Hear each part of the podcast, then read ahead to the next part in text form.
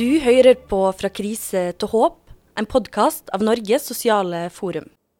Natt til 25. juni ble puben London og Per på hjørnet utsatt for et terrorangrep. Mange ble sårede, og to ble drept. Det var ikke bare et angrep på et utested, men også på et helt miljø. Reaksjonene var umiddelbare. Sorg, sinne, redsel, frykt, men også samhold og omsorg. Det ble klart at paraden som var planlagt dagen etter, ble avløst av politiet.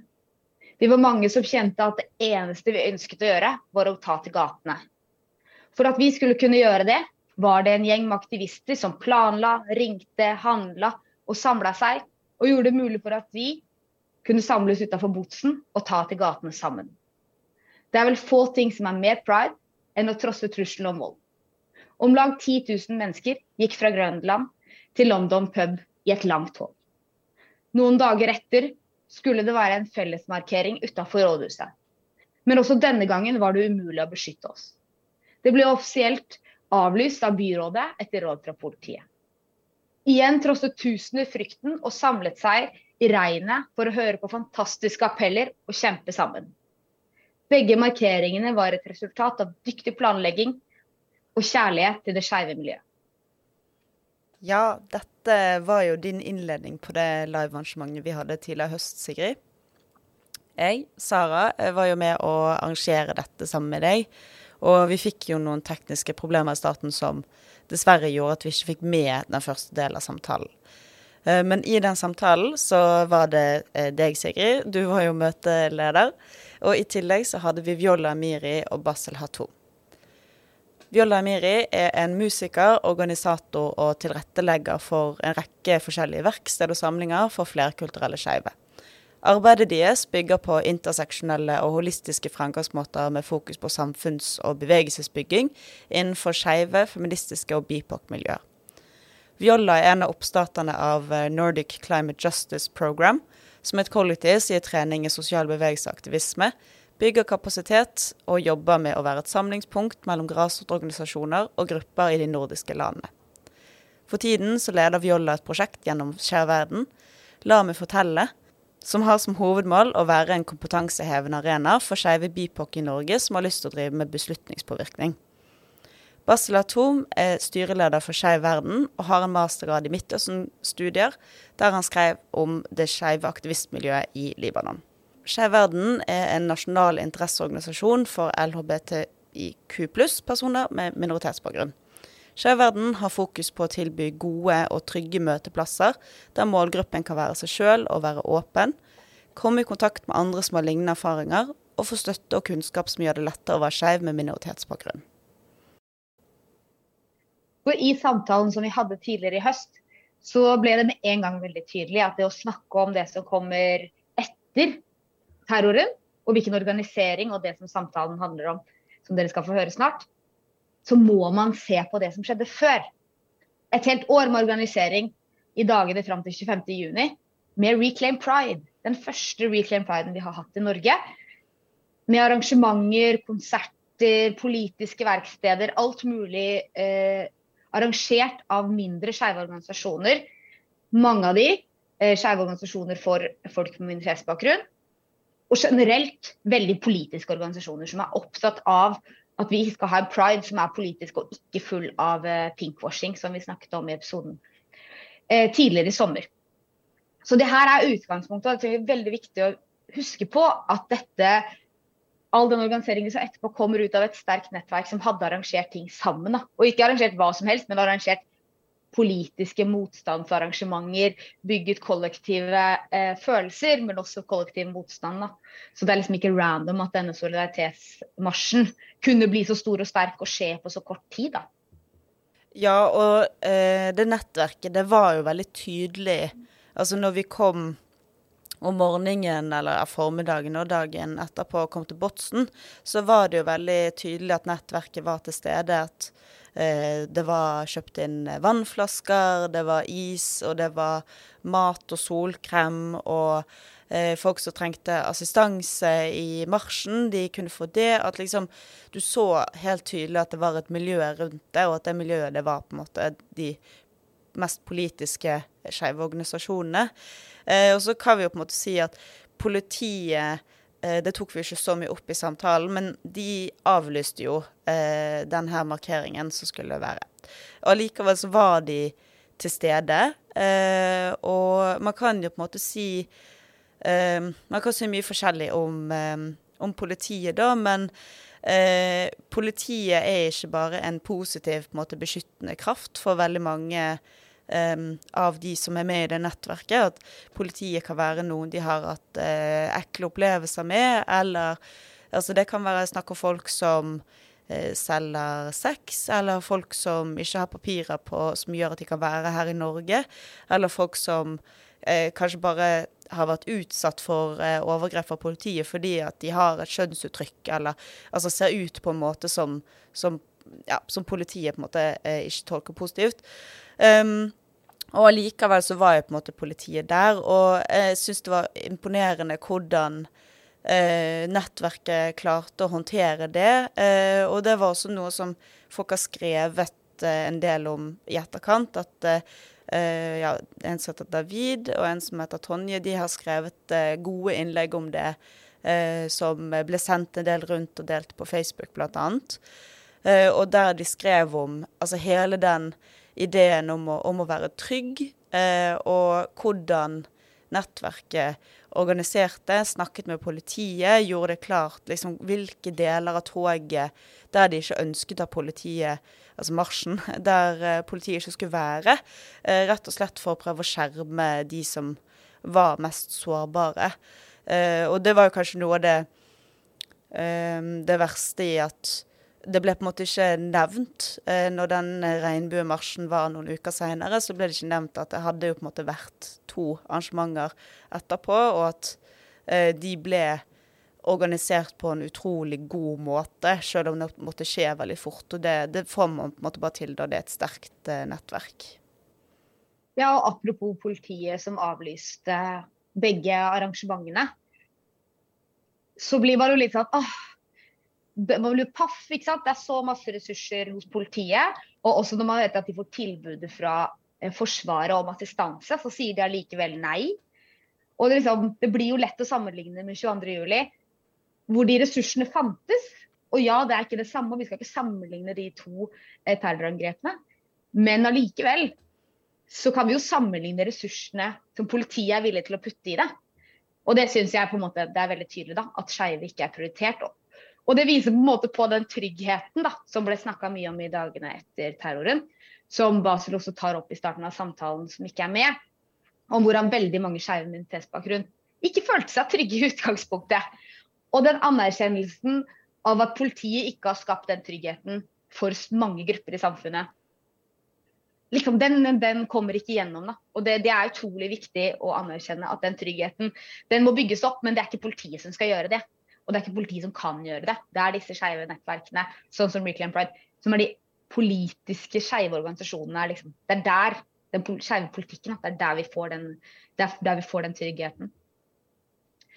Så jeg håper at eh, folk eh, kommer til å sette pris på den livesamtalen, og at vi har klart å oppsummere noen av de poengene som kom eh, før vi tok opp. Så nå setter vi bare over til Viola, som prater om skeiv organisering.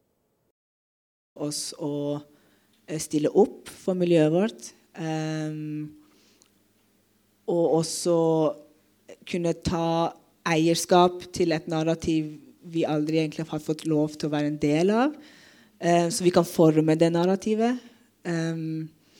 Så det ble jo, ja, som en var organisering, samtale med politiet, gjøre demonstrasjonen, eller paraden eller solidaritetsmarsjen, gjøre han trygg, gjøre den tilgjengelig, ikke minst. Um, vi, hadde, vi betalte taxi for folk som ikke kunne komme eh, relativt raskt ut av hjemmet. Vi, sånn, vi, kan ha taxi, du kan komme hit.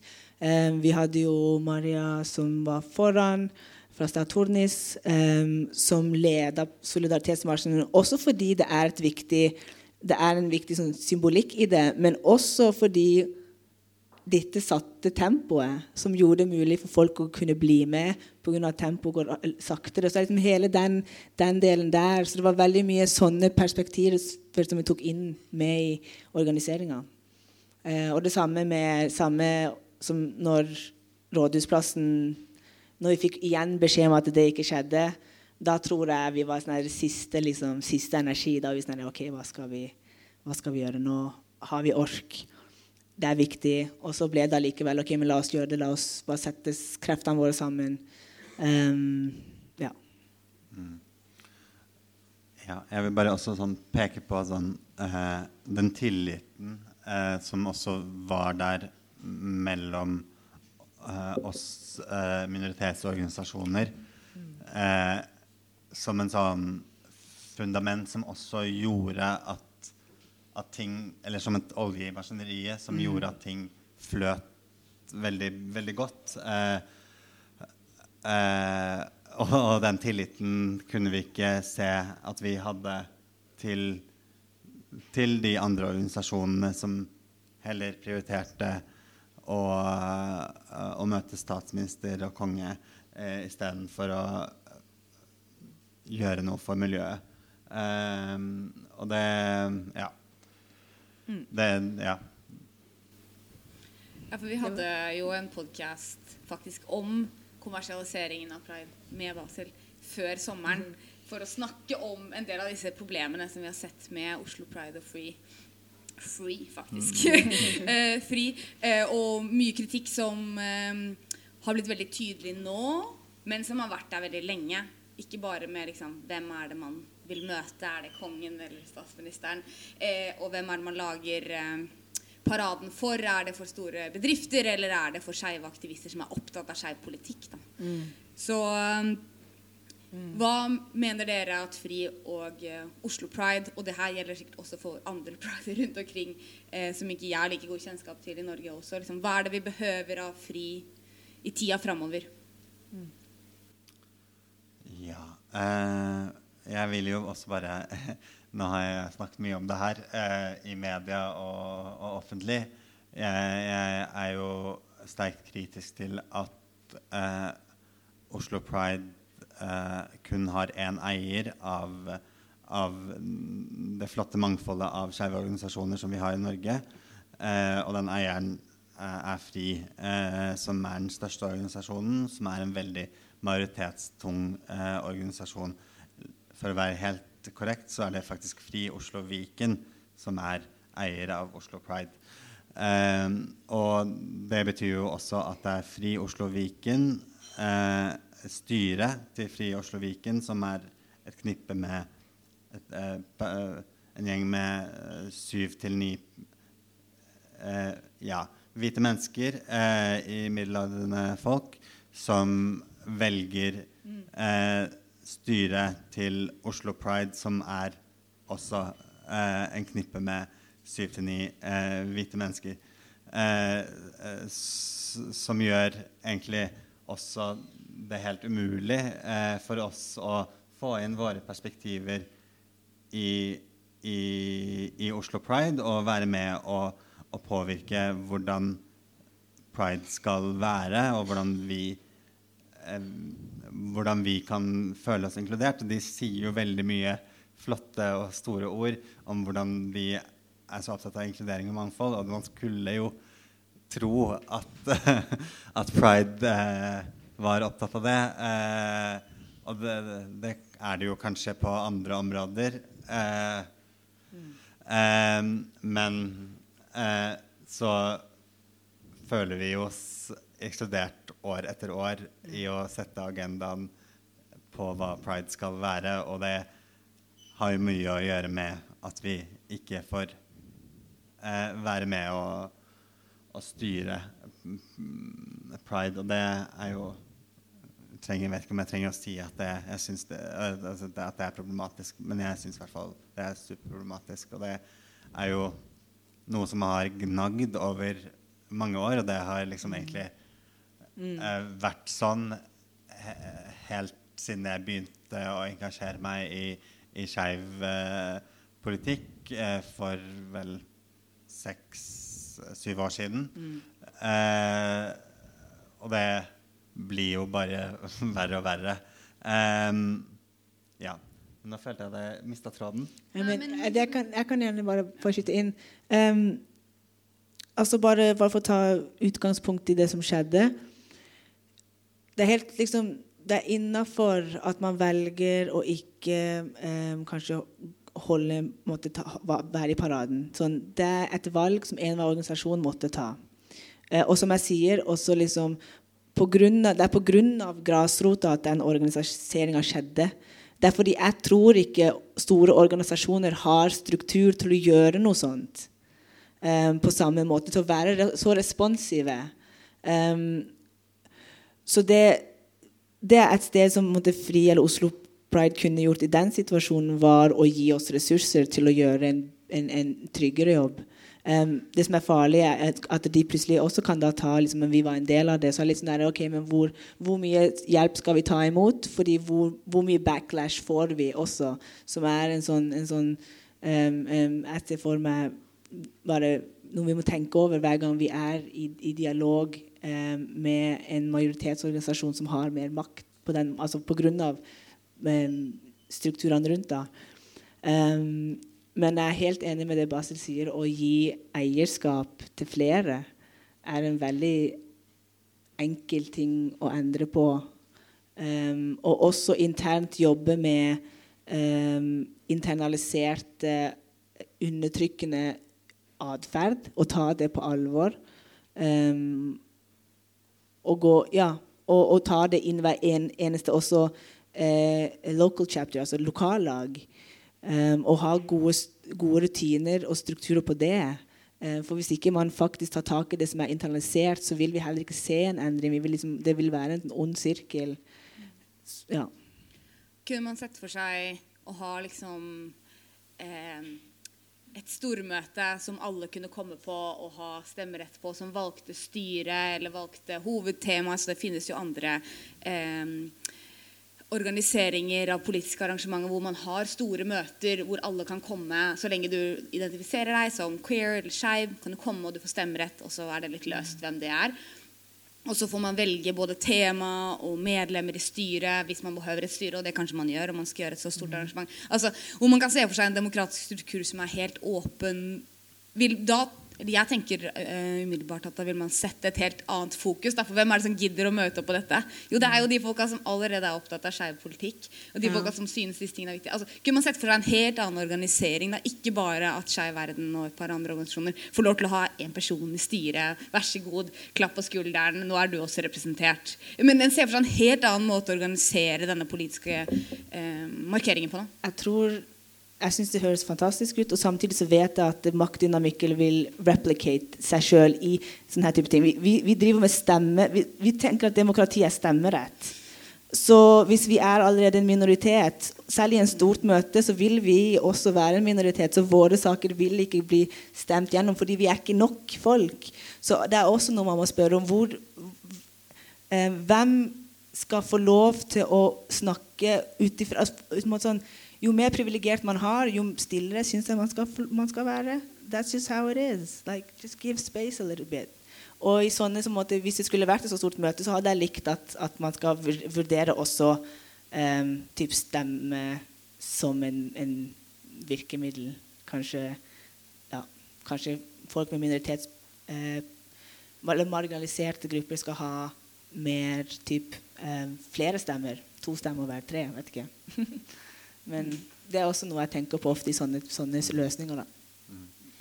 Ja, og en av de tingene som eh, vi kanskje eh, så veldig tydelig eh, etter skytingen 25.6, var det skillet av opplevd trygghet. Eh, fordi mange av oss som er, eh, som er skeive minoritetsbakgrunn, eh, er trans ikke-binære eller veldig synlig skeive, eh, har, har, ikke liksom nødvendigvis gått rundt og kjent oss trygge eh, gjennom et livsløp. Eh, og vi så veldig stor forskjell på retorikken som kom fra Oslo Pride og FRI, som var sånn Å, tryggheten har blitt tatt fra oss.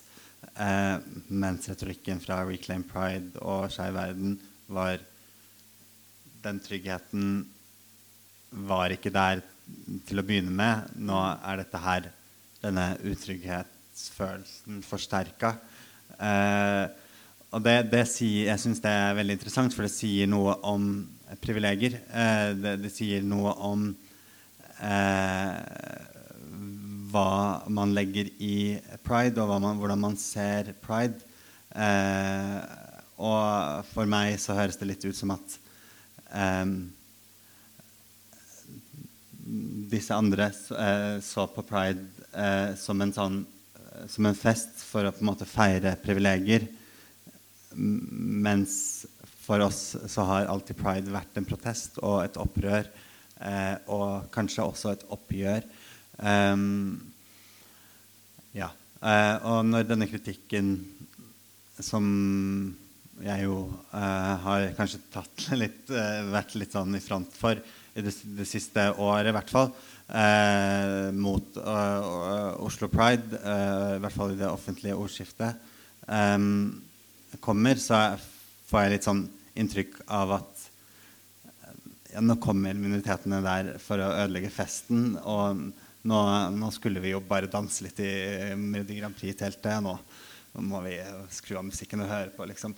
Det er litt den følelsen. Eh, og det, jeg syns det sier litt at ikke de tar eh, trygghet på alvor, eller at de ikke har forståelse av at trygghet er opplevd ulikt.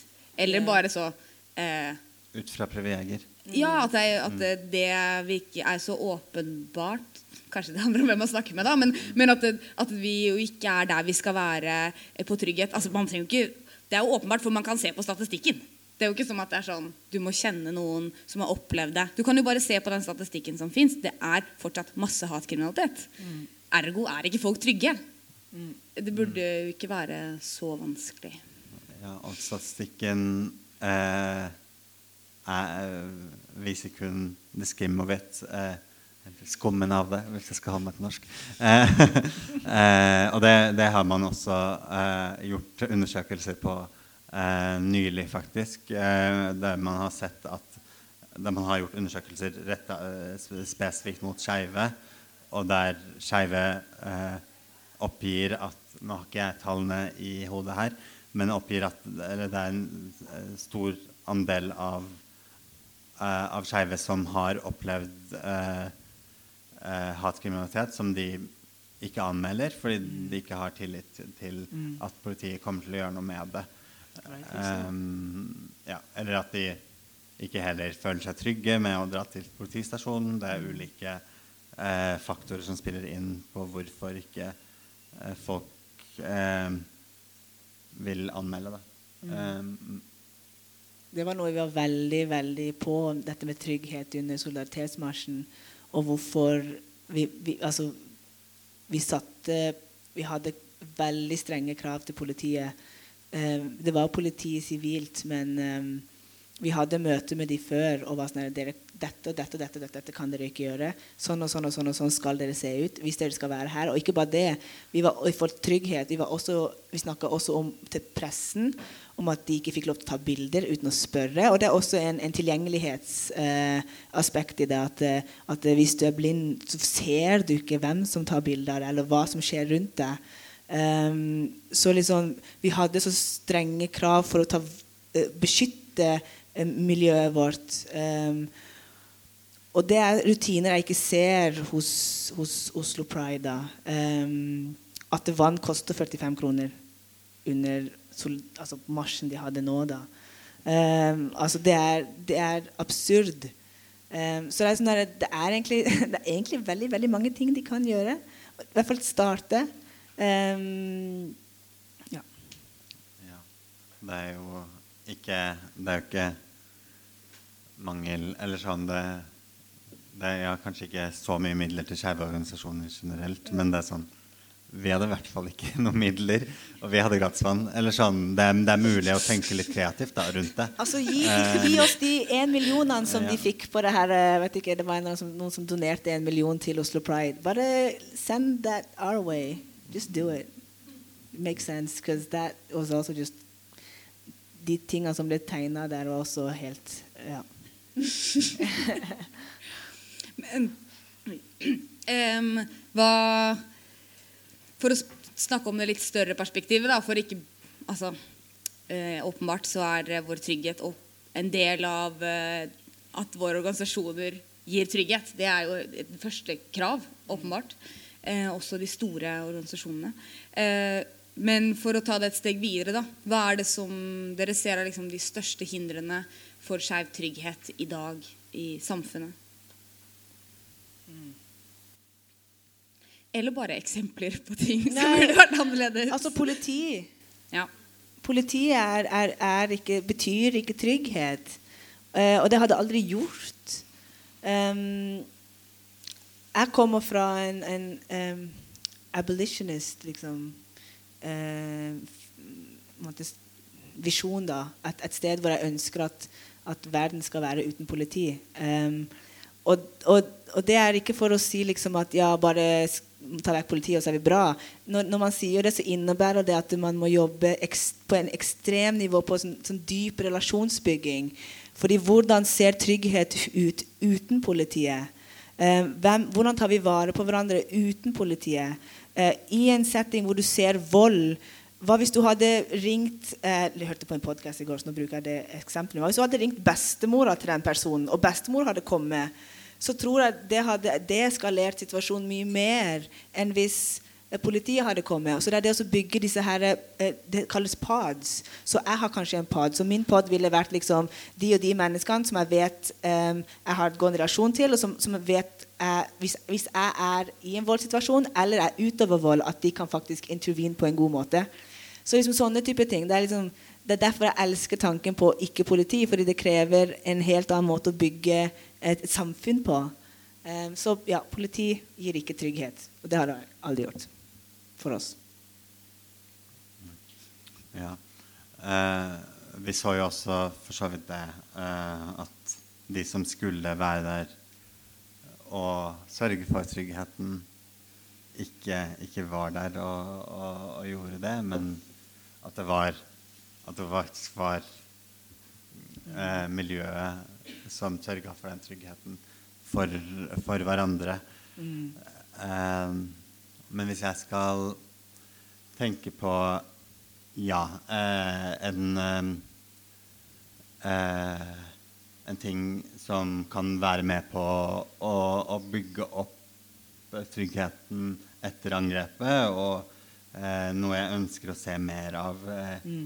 I, i byen vår, for å være litt mer innsnevra eh, i Oslo. Um, eh, så, så, håper jeg på flere trygge rom, eh, flere eh, trygge, lukkede møteplasser. For jeg ser en veldig stor verdi i å, i å være i, på møteplasser og på arrangementer der man kan være fri for å møte de, de mikroaggresjonene som man ellers møter i, eh, i samfunnet for øvrig.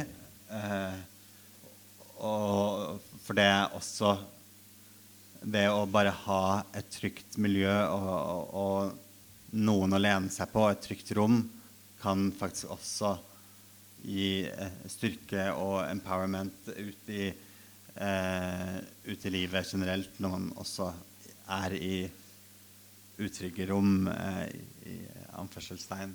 Mm. mm. Men det er spørsmålet også igjen hva er det som gjør et rom trygt? F.eks.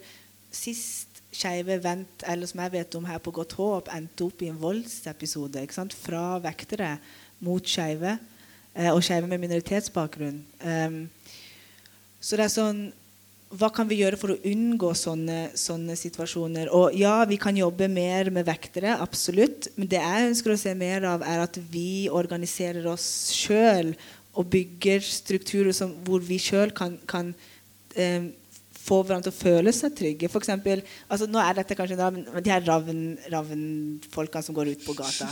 Altså, det, er, det er et konsept som skjer hva er det for noe? Natteravner? Ja, ja, det er sånn tanter og Ja, ja men det er, det er, et konsept som skeive kan ta og bruke mer av. Å se synlig skeive folk som, som, Og det er også en, måte, en utrygg ting å gjøre, også for så vidt. Men å vite at det er noen som går rundt og er edru, og kan være med og komme inn og se hva som skjer, måtte man alltid er i kontakt med. Sånne typer strukturer skal jeg se mer av. Også fordi da, da, er vi ikke så avhengig av institusjonene som er de som utøver vold mot oss. Om det er, om det er helsesystemet, eller om det er um, politiet, eller om det er vekterne. De er institusjoner og selskaper som, som gjør det. Så sånn, hvordan kan vi på mest mulig måte ikke være så avhengig av det? Og det krever trening. Det krever at vi blir, blir trent opp til å kunne intervene i en voldsepisode. Det, det, krever at vi vet hvordan vi skal um, deale med traume eller triggere. Um, og så, ja, så liksom å trene bevegelsen og, og, gi folk verktøyene som har blitt profesjonalisert, hvor alt ikke trenger å være så profesjonalisert. Ja. Jeg kan snakke om det. ja, det, det, det er kjempespennende å prøve å tenke nye strukturer som vi kan skape sammen og kan skape selv. Og ikke alltid at målene ikke alltid behøver å være en større samfunnsforandring, men at vi kan være med på den gjennom å skape disse alternativene. Da. Det er jo fantastisk, og også noe jeg føler at uh, jeg ser mer av uh, generelt. Da, og det er jo helt nydelig. Hvilke uh, erfaringer har dere tatt med dere fra de siste par månedene som dere tror kommer til å påvirke åssen dere jobber eh, i både organisasjoner og kollektiv og som aktivister i tida framover? Mm. Jeg tror egentlig de erfaringene jeg tar med meg, er mer Jeg er veldig interessert i gruppedynamikk, i hvordan vi jobber sammen. Um, og dette med utbrenthet, f.eks. Um, hvordan kan vi gjøre dette arbeidet uten, å, uten at det har blitt normalt å møte veggen? Um, fordi det er heller ikke Hvis vi, skal, hvis vi jobber mot et, et, et, et åpnere, bedre samfunn, eh, så må vi også avlære oss disse kapitalistiske effektivitetsmønstrene som vi har i organiseringa vår. Um, så det er liksom noe jeg tar med meg veldig snart. Okay, jeg ser at vi brenner oss ut, um, og at uh, mye av den skeive minoritetsbevegelsen akkurat nå, mange av sentrale um, organis uh, organizers er, Vi er utbrent. Er utbrent. Så, så for, hva kan vi gjøre for å unngå det, eh, har jeg tenkt mye på. egentlig. Um, hvilke systemer kan vi ha? Um, og det handler igjen om, om, å bygge kapasitet, om å bygge movement, om, å, om at det, alt sitter ikke på deg, Bas, eller alt sitter ikke på meg. ikke sant? Det er sånn at, at vi er flere som føler at eh, jeg kan steppe inn når den personen stepper ut. Også fordi nummer én har fått tillit, eller har tillit, eller at jeg, jeg har tillit nok til de rundt meg som, som gjør at selv om jeg ikke har så mye erfaring, så kan jeg spørre. Ja, um, og det er derfor jeg går tilbake til dette med trening. Å trene folk opp i, i hvordan organisere. Fordi vi tar det for gitt. Og spesielt i Norge i Norge så jobber vi ikke ut ifra noen form for frameworks. Vi bare organiserer. Men, men, jeg ser at i andre land så har du liksom transformative justice, abolitionism altså du har, Og dette her er um, rammeverk som folk organiserer innafor, og da gjør det mye mer effektivt. Og de har også uh, og sånn som de kan følges. Mens vi føles noen ganger ut som vi bare prøver å, å få alt måtte, make, måtte, Reinvent the wheel hele tida. Eh, så det er liksom noe jeg kan savne. at det, liksom, etter jeg sånn, ok, men Kan vi ikke prøve å tenke litt mer strategisk i hvordan vi organiserer oss? Og hvilke modeller bruker andre folk som vi også kan implementere mer av? Eh, sånn at ikke vi blir liksom, utbrent og dør ut etter en, en tre måneders arbeid. Nei, mer. Altså, det var mye lenger. Men, men, men det var tungt. ja. Ja, eh, hvis jeg skal eh, si en ting eh, nå plutselig datt det ut av hodet mitt. Eh, nei, ja, det var borte. Ja. Eh, men uh, finnes det noen aktiviteter, for å gjøre det litt generelt, som skjer i uh, framtiden, som dere holder på med, som dere vil at folk skal bli engasjert i? Om det er en skolering, om det er ja, et verksted, en demonstrasjon, en politisk eh, kamp som har for lite oppmerksomhet, som flere burde engasjere seg i. Kanskje dere vil eh, fronte noen av disse tingene som skjer i framtida, nå som samtalen går mot slutten? Jeg har ikke satt noe dato uh, egentlig tid, men jeg har veldig gjerne lyst til å lage en workshop som tar opp de her, uh, disse her strategiene for hvordan um, bygge trygghet mellom hverandre. Um, og ha liksom og da, da er tanken at alle er invitert, um, hvor vi som en Og det er spesifikt BIPOC, liksom queer-miljøet, egentlig sikter meg til, for det, det, er der jeg jobber mest. Men hvordan vi kan, hvilke strategier kan vi lage for å få hverandre til å føle seg trygge, tryggere på gata eller i ulike rom? Um, og ta veldig mye inspirasjon fra noe som heter community accountability. Liksom. Um, og, da, og, da, er det sånn snakk om hvis, hvis, noen i vår miljø opplever seksuell vold, hvordan kan vi som community uh, håndtere det uten å involvere f.eks. politi? eller et eller annet, For vi vet at det, gjør vi det, så kan, så kan det, opp, det, kan, det, kan, gjøre ting verre. Så liksom, jeg er interessert i det, og det er gjerne en workshop jeg har tenkt å holde. Men det blir mest sannsynlig til våren. ja. Bare sånn. Det er det jeg har.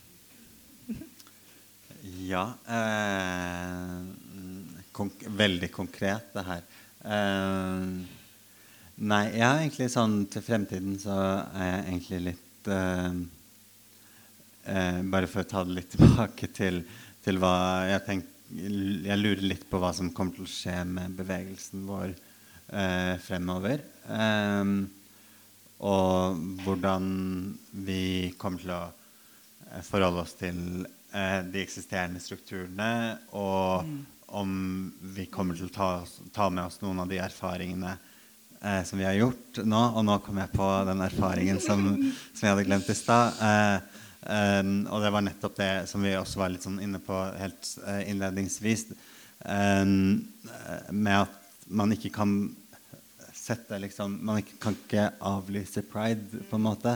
Man kan ikke avlyse paraden. Og det var liksom det uh, Oslo Pride plutselig innså sånn veldig for sent at du kan ikke liksom stoppe en bevegelse folk, hvis folk vil ut i gatene og, og, og demonstrere eller um, få ut noe, så kommer folk til å gjøre det. Uh, og det, det, så vi også sånn med BLM under eh, Black, Black, Lives Matter, uh, under covid. Mm.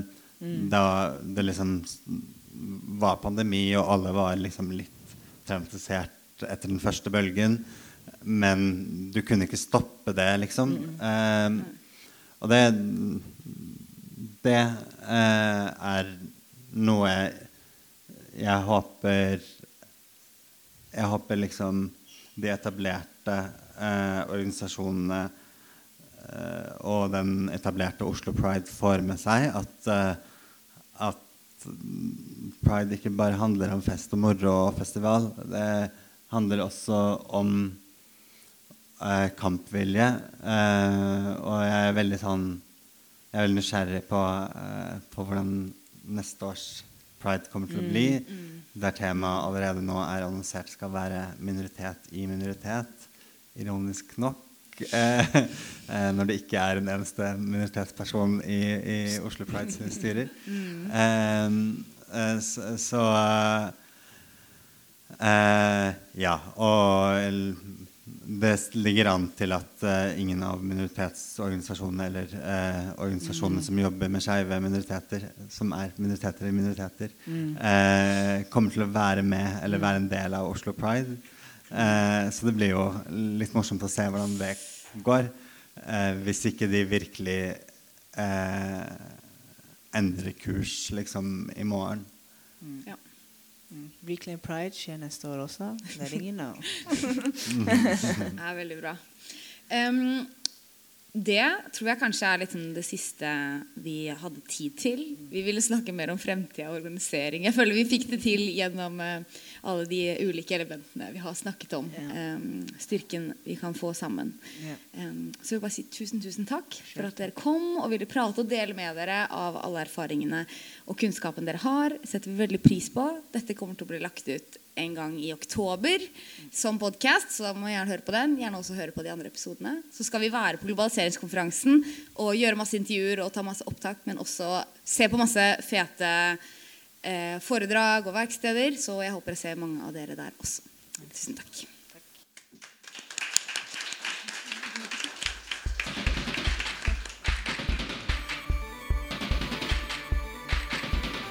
Du har hørt podkasten 'Fra krise til håp' fra Norges sosiale forum. Har du spørsmål til denne episoden, kan du sende det til podcast.globalisering.no.